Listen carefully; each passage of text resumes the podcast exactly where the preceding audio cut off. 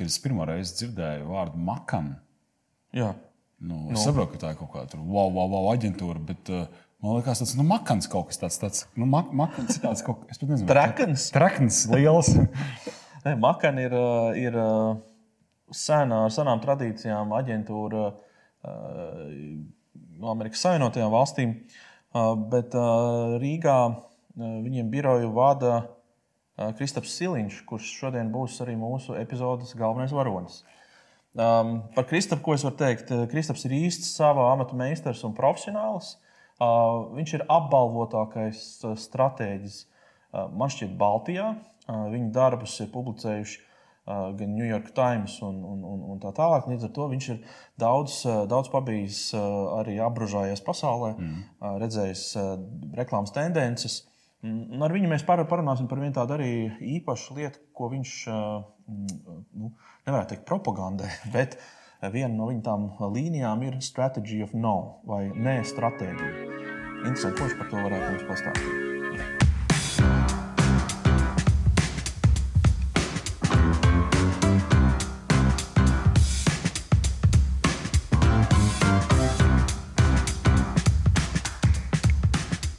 Skaidrs, ka visiem tādiem puslīdz sev cienošiem, lieliem, pat arī vidējiem uzņēmumiem Latvijā mm, ir kaut kāda stratēģija, kāpēc viņi dara to, ko viņi dara, uh, uz kurien viņi virzās, kas ir viņu produkts, un to viņi tā kā saprot. Bet, uh, starp citu, ikdienā es bieži vien esmu saskāries ar to, ka man klients saka, uztaisīt man prezentāciju, mēs sākam strādāt pie šīs prezentācijas. Un, ko es saprotu? Es saprotu vienā mirklī, ka viņiem nav nodefinēts pamatlietas vispār uh, kaut kādas. Un tad uh, tas, ko es daru, laiku pa laikam es aizsūtu tos uzņēmumus arī pie Krista, lai viņi sakārto savu sētu vispirms, sakārto savu tādu, tādu pamatu, pamatlietas, lai mēs varam uz kaut ko to prezentāciju būvēt. Kristap, kāda tev pieredze ir vispār? Cik daudz tev klientu atnāk tādi jau gatavi, kas ir jau gatavi, un tu zini, ka tu viņus tagad paņemsi un ar viņiem strādās, un tur viss notiks. Un kur ir tādi, kurus tu, nu, kā saka, sāksim ar veco derību? Principā ir tā, ka no iekšienes ir, manuprāt, praktiski nereāli uztaisīt labu stratēģiju priekš sevis. Mm, tāpēc, arī reklāmists nevar bieži vien uztaisīt labu stratēģiju priekš savas aģentūras, piemēram. Ja mēs paskatāmies aģentūra lapas, tad nu, principā, tas ir tāds kurpnieks bez kurpēm visbiežāk. Nu, arī aģentūra zīmoli ļoti bieži nav ļoti nostrādāti. Principā, tas paradoks ir tajā, ka priekš sevis stratēģiju uztaisīt praktiski nevar. Nu, mēs paši zinām no reālās dzīves, ka tajā brīdī, kad kāds paprasa padomu nu, par savu dzīvi, mēs visi esam eksperti. Mm. Tikko ir jā, jāpasaka padoms pašam sev, šausmīgi grūti. Nu, un ar zīmola stratēģiju tieši tas pats. Principā visi uzņēmumi, manuprāt, kuri nav dabūjuši skatu no malas, viņiem visiem ir jāpalīdz no nulles. Mm -hmm. Un uh, tu esi skaities tā kā uh, apbalvotākais uh, stratēģis. Par ko apbalvo stratēģis? Kas ir, tā, kas ir tie kritēriji? Stratēģis apbalvo par rezultātu. Nu, tā stratēģiem tāds Oskars vai, vai labākais apbalvojums skaitās FI balva. Mm, to piešķir starptautiski. Mm, Eiropā, piemēram, nu, visas Eiropas aģentūras sacenšas, kas būs uztaisījis efektīvāku kampaņu. Tev tāda ir, jā? Mm, tāda ir, jā. jā par, par ko tu viņu dabūji? Par kampaņu, ziedošanas kampaņu priekš Stokholmas skolas Rīgā. Tur bija tā, ka Stratēģija bija ļoti vienkārša. Respektīvi, skola bija jau paši no iekšienes, nu, kas ir tā tipiskā problēma, mēģinājuši vairākus gadus, gadus piecus nokomunicēt, mm, ka vajag ziedot skolai, tāpēc ka tas attīstīs Baltijas ekonomiku. Vajag ziedot skolai, tāpēc ka, ja tu esi absolvents, tad tev ir pienākums. Vajag ziedot skolai, tāpēc ka jaunie ir trūcīgi un viņiem vajag palīdzēt. Bet tas uzmanību nepiesaistīja, un tā problēma bija, ka nebija skata no malas. Nu, teiksim, tas skats no malas bieži atklāja kaut kādu neglītu patiesību. Teiksim, nu, tās um, Stokholmas skolas gadījumā tā patiesība bija tāda, ka absolventi ir ļoti ambiciozi un ka kaut kāds nu, vēlme sacensties ar to džeku, kas tev, piemēram, vai meitene sēdēja kursā blakus, ir daudz lielāka motivācija nekā jebkas cits. nu, tad, principā, ziedošanas kampaņas būtība bija ļoti vienkārša. Kurš noziedos vairāk? Nu, principā, tāda ļoti sacensība. liela sacensība. Jā, un vispār nodalīti divās daļās absolventus. Tie, kas ziedo un tie, kas neziedo. Nu, principā ziedošana ir simbols tam, ka tev iet labi. Un tādā veidā sanāca dabūt no 11% uz 34%. Un, un attiecīgi, nu, divus gadus pēc kārtas noturēt rezultātu, kas bija Eiropas līmenī, arī pasaules ļoti augsts. Mm, Stanforda Universitātē arī bija, bija zemāks, par ko mēs nepakautrējāmies. Tā teikt, toreiz ar visu komandu viņiem atgādināts. Nu, tā. tā kā, nu, principā, jebkura stratēģija, ja viņi tā izstāsta, mm, tā nav tāda lieta, kas ir 70 slaidu prezentācijā, jāskatās 4 stundas cauri. Nu, teiksim, labas stratēģijas no sliktām atšķir tas, ka līdzīgi kā šeit, pāris teikumos, mēs varam jau nojaust to lietas būtību kā laba stratēģija parasti balstās uz kaut kādu tādu īstu cilvēku sāpju. Ko stratēģija veidojās no kā? No formulām, no pieredzēm, no ko tu kombinē? Ar to stratēģiju ir tā, ka uh, ir, ir divas principā taktikas. Ir, ir viena tāda uh, ļoti uh, bailīga taktika, kā taisīt stratēģiju, kas principā balstās uz pētījumiem katrā lietā un case studijiem un attiecīgi vēlmi kaut kā atražot lietas, kuras var kuras ir darījuši citi, vai arī, piemēram, vēlmi katru lietu pamatot ar kaut kādu skaitlisku argumentu. Nu, tā. Un tad otra skola savukārt ir tāda, kas mēģina taisīt teikt, ar kvalitatīviem datiem stratēģiju, respektīvi, līdzīgi kā mēs šeit runājam, runāties ar cilvēkiem, saprast, kas viņiem patīk, nepatīk, besīt, traucēt dzīvē, kādas viņiem ir barjeras, kas viņiem ir kaut kāda sāpe. Nu, es savukārt esmu tas otrās skolas piekritējs. Protams, ka lietas vajag pārbaudīt, protams, ka lietām vajag racionāls arguments, bet nu, saknē stratēģijai jātop no tā ko domā tas cilvēks, mm, kurš būs tā auditorija, kuram mēs gribam kaut kādu rīcību. Nu, mm. No otra gala domāt stratēģiju baigi sarežģīti. Jo nu, tajā gadījumā sanāk tā, ka sasēžās cilvēki, pasūta pētījumu par auditorijām, uzprasa visādus jautājumus, dabū atpakaļ grafikus ar procentiem. Bieži vien tur neko nevar saprast, izpēta, ko dara konkurenti, secina, kur ir brīva vieta. Brīvas vietas parasti nav. Tad domā, kuram konkurentam mēs būsim līdzīgi konkurenti pēc diviem gadiem pamainās, analīze ir bijusi bezjēdzīga. Nu, tas ir tādā baigajā purvā. Investēt tādā, tāds diezgan dziļš purvs ir ar to izpētes pieeju. Savukārt ar to otru pieeju bieži vien var ātri noreaģēt, saprast, kas konkrētajā brīdī interesē cilvēkus, paredzēt, ka tās lietas interesēs viņus vēl vairākus gadus un būvēt stratēģiju ar tādu cilvēku fokusu. Nu, tas, manuprāt, ir gan nesāpīgāk, gan efektīvāk, gan ar mazāk iztērētu kaut kādu lieku resursu, mm. enerģiju un tā.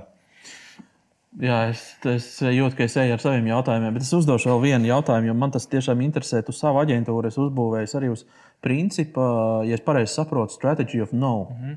uh, var paskaidrot, ko nozīmē noliekšanas vai nepateikšanas stratēģija? Mm -hmm. ko, ko tas nozīmē mm -hmm. dažos vārdos? Nu, principā, tas, ko es saku bieži vien arī studentiem augstskolās, ir tas, ka mm, stratēģis var būt tikai tāda veida cilvēks, kurš māca labi argumentēti pateikt nē. Tāpēc tā reālā situācija ir tāda, ka sēž desmit cilvēki ap galdu.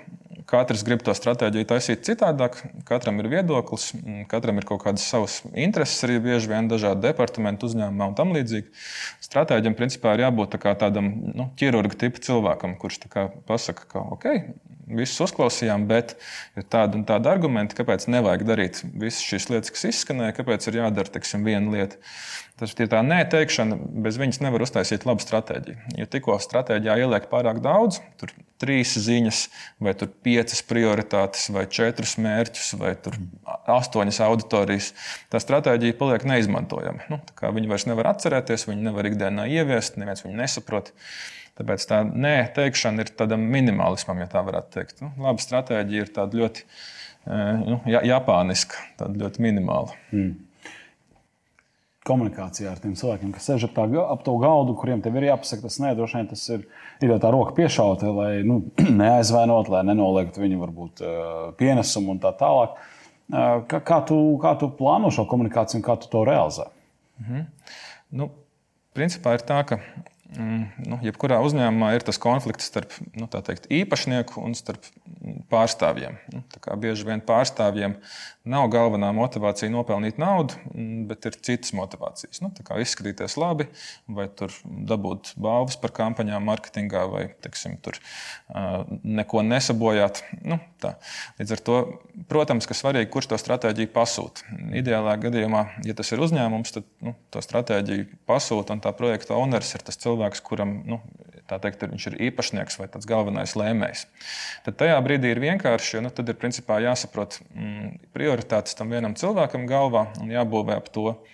Um, ja pasūtītājs ir kāds cits, nu, tad bieži vien prioritātes ir citas. Nu, piemēram, tur, mm, tāpat labā izskatīšanās vai, vai tam līdzīgi bieži vien ir labi, ka mm, ir papildus lietas, ne tikai nauda. Nu, piemēram, sociāla atbildība mūsdienās un tam līdzīgi. Arī tam var taisīt stratēģijas vai darbinieku piesaisti.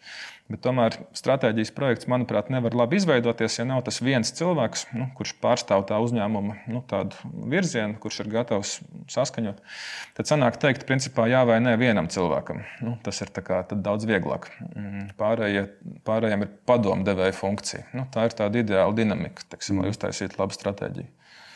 Es pieminēju augstskolas pieredzi darbu ar studentiem, kas ir būšana auditorijā, cīņa par viņu uzmanību un uh, arī misiju, mm. iedot vērtību un iedot viņiem to ceļamaizi un virzienu. Kāda vietā ir darbā un kas, kas ir tas, kas tev izaicina tajā? Mm -hmm.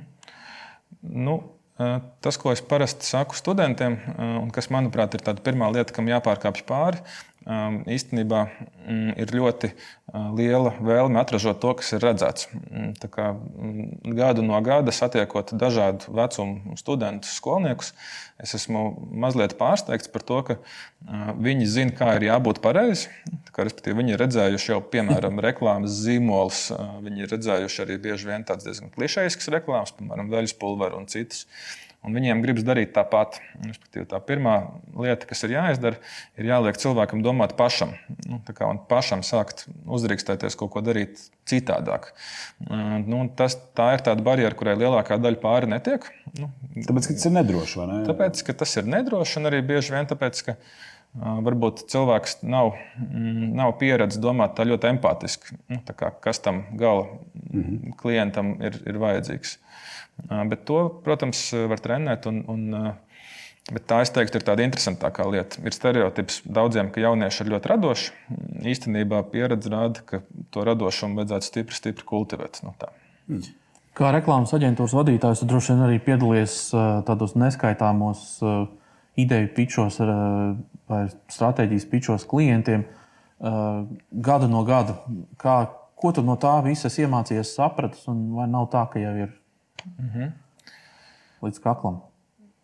Nu, nē, man tas, man tas interesē, un, un man, man patīk redzēt, ka mm, uzņēmumi paliek labāki ar labām stratēģijām. Mm, jo labas stratēģijas motivē komandu tajā uzņēmumā. Mm, attiecīgi, laba stratēģija var, var visiem iedot kaut kādu pārliecības apziņu, ka uzņēmums iet pareizajā virzienā.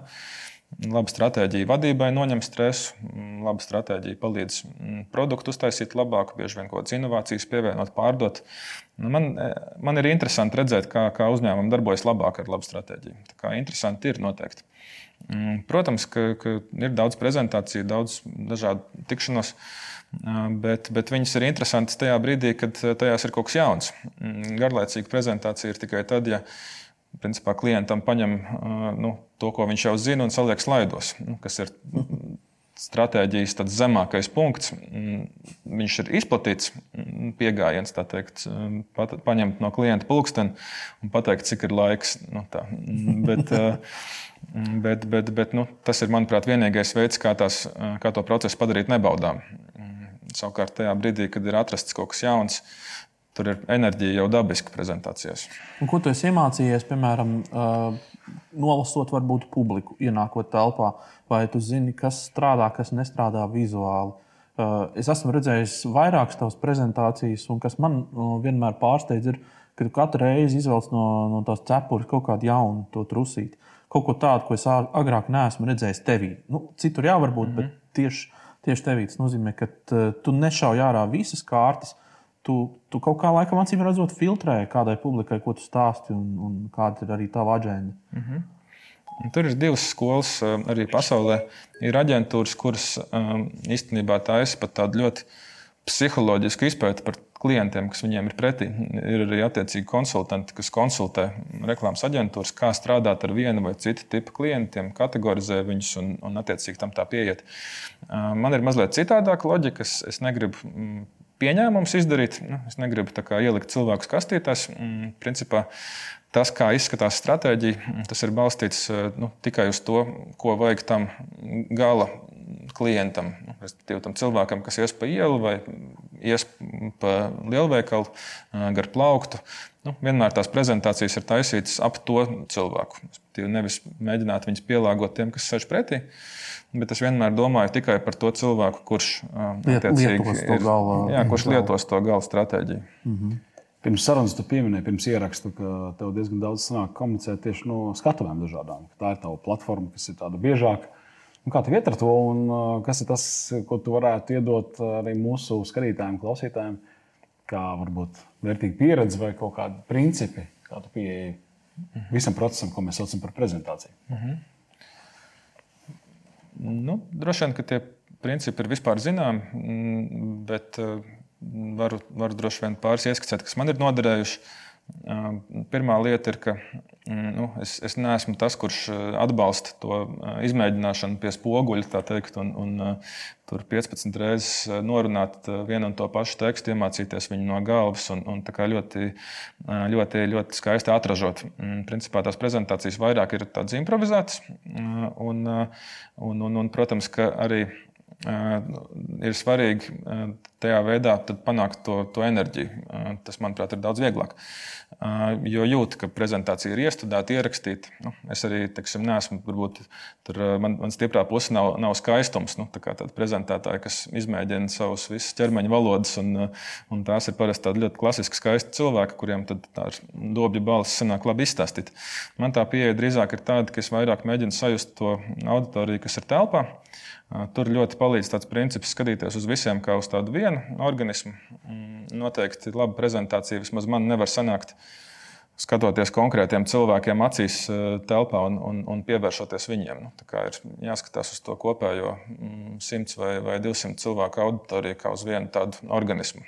Tā kā principā jārunā ar to pūli, nevis ar atsevišķiem nu, pūļu individiem. Uh, Tās ir tādas lietas, kas man pirmās nāk prātā. Mm, vismaz man strādā vairāk tāda mm, improvizēšana un, un doma, ka mm, es, es pielāgojos tam, kā tas tiksim, pūlis reaģē vai tas cilvēku kopums. Tad man šķiet, visiem ir interesantāk.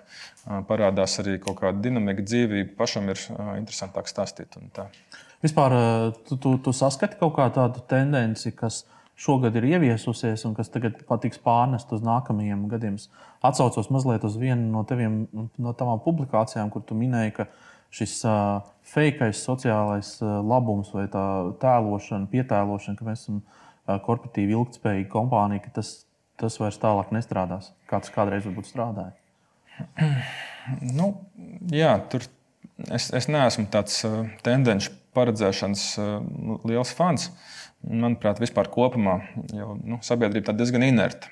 Tā kā, ja tagad Covid teikt, sērga beigsies ar šo, ko mēs esam redzējuši līdz šim, un nebūs teiksim, lielākas eskalācijas, var jau būt, ka tāda neliela trauma var arī nu, aizmirst teikt, kaut kādā ziņā. Mm, ja savukārt tā trauma izplat, izies uz, uz garāku periodu, nu, gads, divi, nu, tad noteikti mēs redzēsim lielas izmaiņas. Mm, es domāju, ka tādā komunikācijas un zīmola uztveres ziņā Iespējams, ka tik īsts atrisinājums vienkārši neko būtiski nemainīs. Mēs absorbējam vienkārši to, to, to nu. lielāku. Jā, jā, es domāju, ka tur vajag teiksim, tādu nu, ilgtermiņa apdomāšanas periodu un ilgtermiņa tādu adaptēšanās periodu, lai būtu tāds nu, fundamentāls izmaiņas, ka kaut ko dara pilnīgi citādāk. Mm, tagad es domāju, ka mēs Tikai laiks rādīs, vai, vai kaut kas mainīsies. Mm, protams, ka ir forši teikt, ka mainīsies, un tas ir interesanti. Um, cilvēkiem, ekspertiem ir par ko runāt. Um, arī es pats esmu dažas lietas mēģinājis prognozēt. Bet, Bet es domāju, tā reālā situācija ir tāda, ka, lai to inerci sabiedrības vispār pārvarētu un cilvēki sāktu prasīt kaut ko jaunu, nu, tur vajag tādu ilgāku laiku, manuprāt, satricinājumu. Mm. Šobrīd no tām mm, kampaņu no tiem kampaņu uzdevumiem vai tiem zīmolu uzdevumiem, kas ienāk, es neteiktu, ka mm, ir kaut kādas liels izmaiņas. Teiksim, klienti, kas nāk šomēnes, principā viņiem tās vajadzības vai situācijas ir līdzīgas kā klientiem, kas nāca pirms pusgada. Gan kā profesionālim, gan vienkārši kā pilsonim Latvijā. Kā tu redzi valsts pārvaldi komunikācijas ziņā, kopējā stratēģija, virzību uz kaut kādu gaišāku nākotni? Varbūt ne gluži kā vērtējums, bet vairāk varbūt kā novērojums, kas, kas tā nāk prātā. Lai arī valsts pārvalde droši vien nav tava klienta, tomēr tieši tāpēc tu redzi, jā, tu redzi, tu redzi no malas. Nu, kā, ja viņi jā. prasītu tev padomu, ko tu Mm. Kas būtu tas virziens, kurā tu stūrētu? Mm -hmm. Jā, mēs, mēs pamatā tiešām strādājam ar privāto biznesu, un, un tas ir nu, absolūtais vairums mūsu klientu. Uh, ar publisko sektoru, atgriežoties pie tā, ko runājām sākumā, Problēma jau ir tāda, ka bieži vien nav tas viens ieguvējs. Teikt, jo katrā uzņēmumā ir viegli atrast to vienu īpašnieku, vai valdes priekšsādātāju, vai kādu no partneriem, kuram nu, deg acis par konkrētu rezultātu. Ilgtermiņā valsts pārvaldē, protams, ir citādāk. Bieži vien ir komisijas, ir ministrijas, ir nu, iestādes. Un, un, nu, tur nav varbūt tāda viena skaidra ieguvēja, kuram tās acis deg. Un, un bieži vien tās acis deg arī uz īsu termiņu tiksim, uz četriem gadiem, vai līdz pārvēlēšanai, vai līdz nomaiņai, grūti mm, izdarīt kaut ko tikpat labu kā biznesa klientam, valsts sektora klientam. Ja tur ir cita veida motivācijas. Mm. Bet es, ir, ir, es domāju, vairāk nu, izcili cilvēku valsts pārvaldē un, un kopumā notiek arī paudžu nomaiņa. Es domāju, ka nu, mēs redzēsim tikai labāku komunikāciju. Bet nu, tā fundamentālā problēma ir tāda, ka privātajā biznesā ir tas viens cilvēks, parasti, kurš var izlemt mm, valsts pārvaldē. Tā notiek reti. Mm -hmm. Noslēdzot šo jautājumu, tev varbūt tādu mazliet ķecerīgu. Jā. Tu tici influenceriem? Influenceriem ir nākotne, vai, vai, mm. vai tā ir tāds īslaicīgs trends un, un tā? Um, es domāju, ka, ka nu, tā lieta ir veca kā, kā pasaule, ka mm, populāri cilvēki ietekmē citu cilvēku viedokļus. Es domāju, nu, tur... Džordžs Klūnijs māju, mājas saulesgrīvā vai salkrastos, kur jā, jā. Es domāju, ka arī, arī, arī viduslaiku ciematā bija influenceri. Viņi vienkārši nezināja, ka viņus tā sauc. Viņiem nebija Instagram. Bet, mm, es domāju, ka, protams, ka mm, reklāmas nozarei patīk teikt, iepakot jaunu tendenci konsultēt par jaunu tendenci klientus un kā, nu, pārdot to kā produktu. Pārdot to kā ļoti jaunu lietu. Um, es domāju, tas, kas ir fakts, ka um, šobrīd ar sociālo mediju mm, to izplatīšanos, un noteikti viņi tikai turpināsies, nu, tie nosacīti tādi viduslaiku, līme, uh, viduslaiku ciemata līmeņa, tie populārie cilvēki, viņi tagad ir ļoti sadzirdami un ar viņiem ir jāstrādā. Tas nozīmē, ka jāmāk tas ir, un nu, noteikti tas vienkārši būs uz palikšanu. Bet tieši tā pati kompetence ir bijusi jau simtiem gadu strādājot ar slavenībām, ar Holivudas zvaigznēm, ar dziedātājiem, aktieriem, reklāmās nu, tas īsti nav nekas jauns. Teksim, tās ir tās pašas slavenības un metodas ir ļoti līdzīgas. Mm, tā nav tāda fundamentāli jauna filozofija. Bet, nu, protams, ka nāk klāt digitālo tehnoloģiju sapratne. Ir nozarē darbs parādās ļoti daudz tehniskiem cilvēkiem, lai spētu analizēt datus, taisīt indeksus um, un, un plānot ļoti taktiski, gudri uh, visu digitālo kanālu izmantošanu, kas visu laiku mainās. Nu, tā faktiski ir tāda tehniska jauna lieta nozarē. Bet tā idejiski mm, influenceri īsti neko neatšķiras no tā, kas tiek darīts jau, jau simtiem gadu ar slavenībām.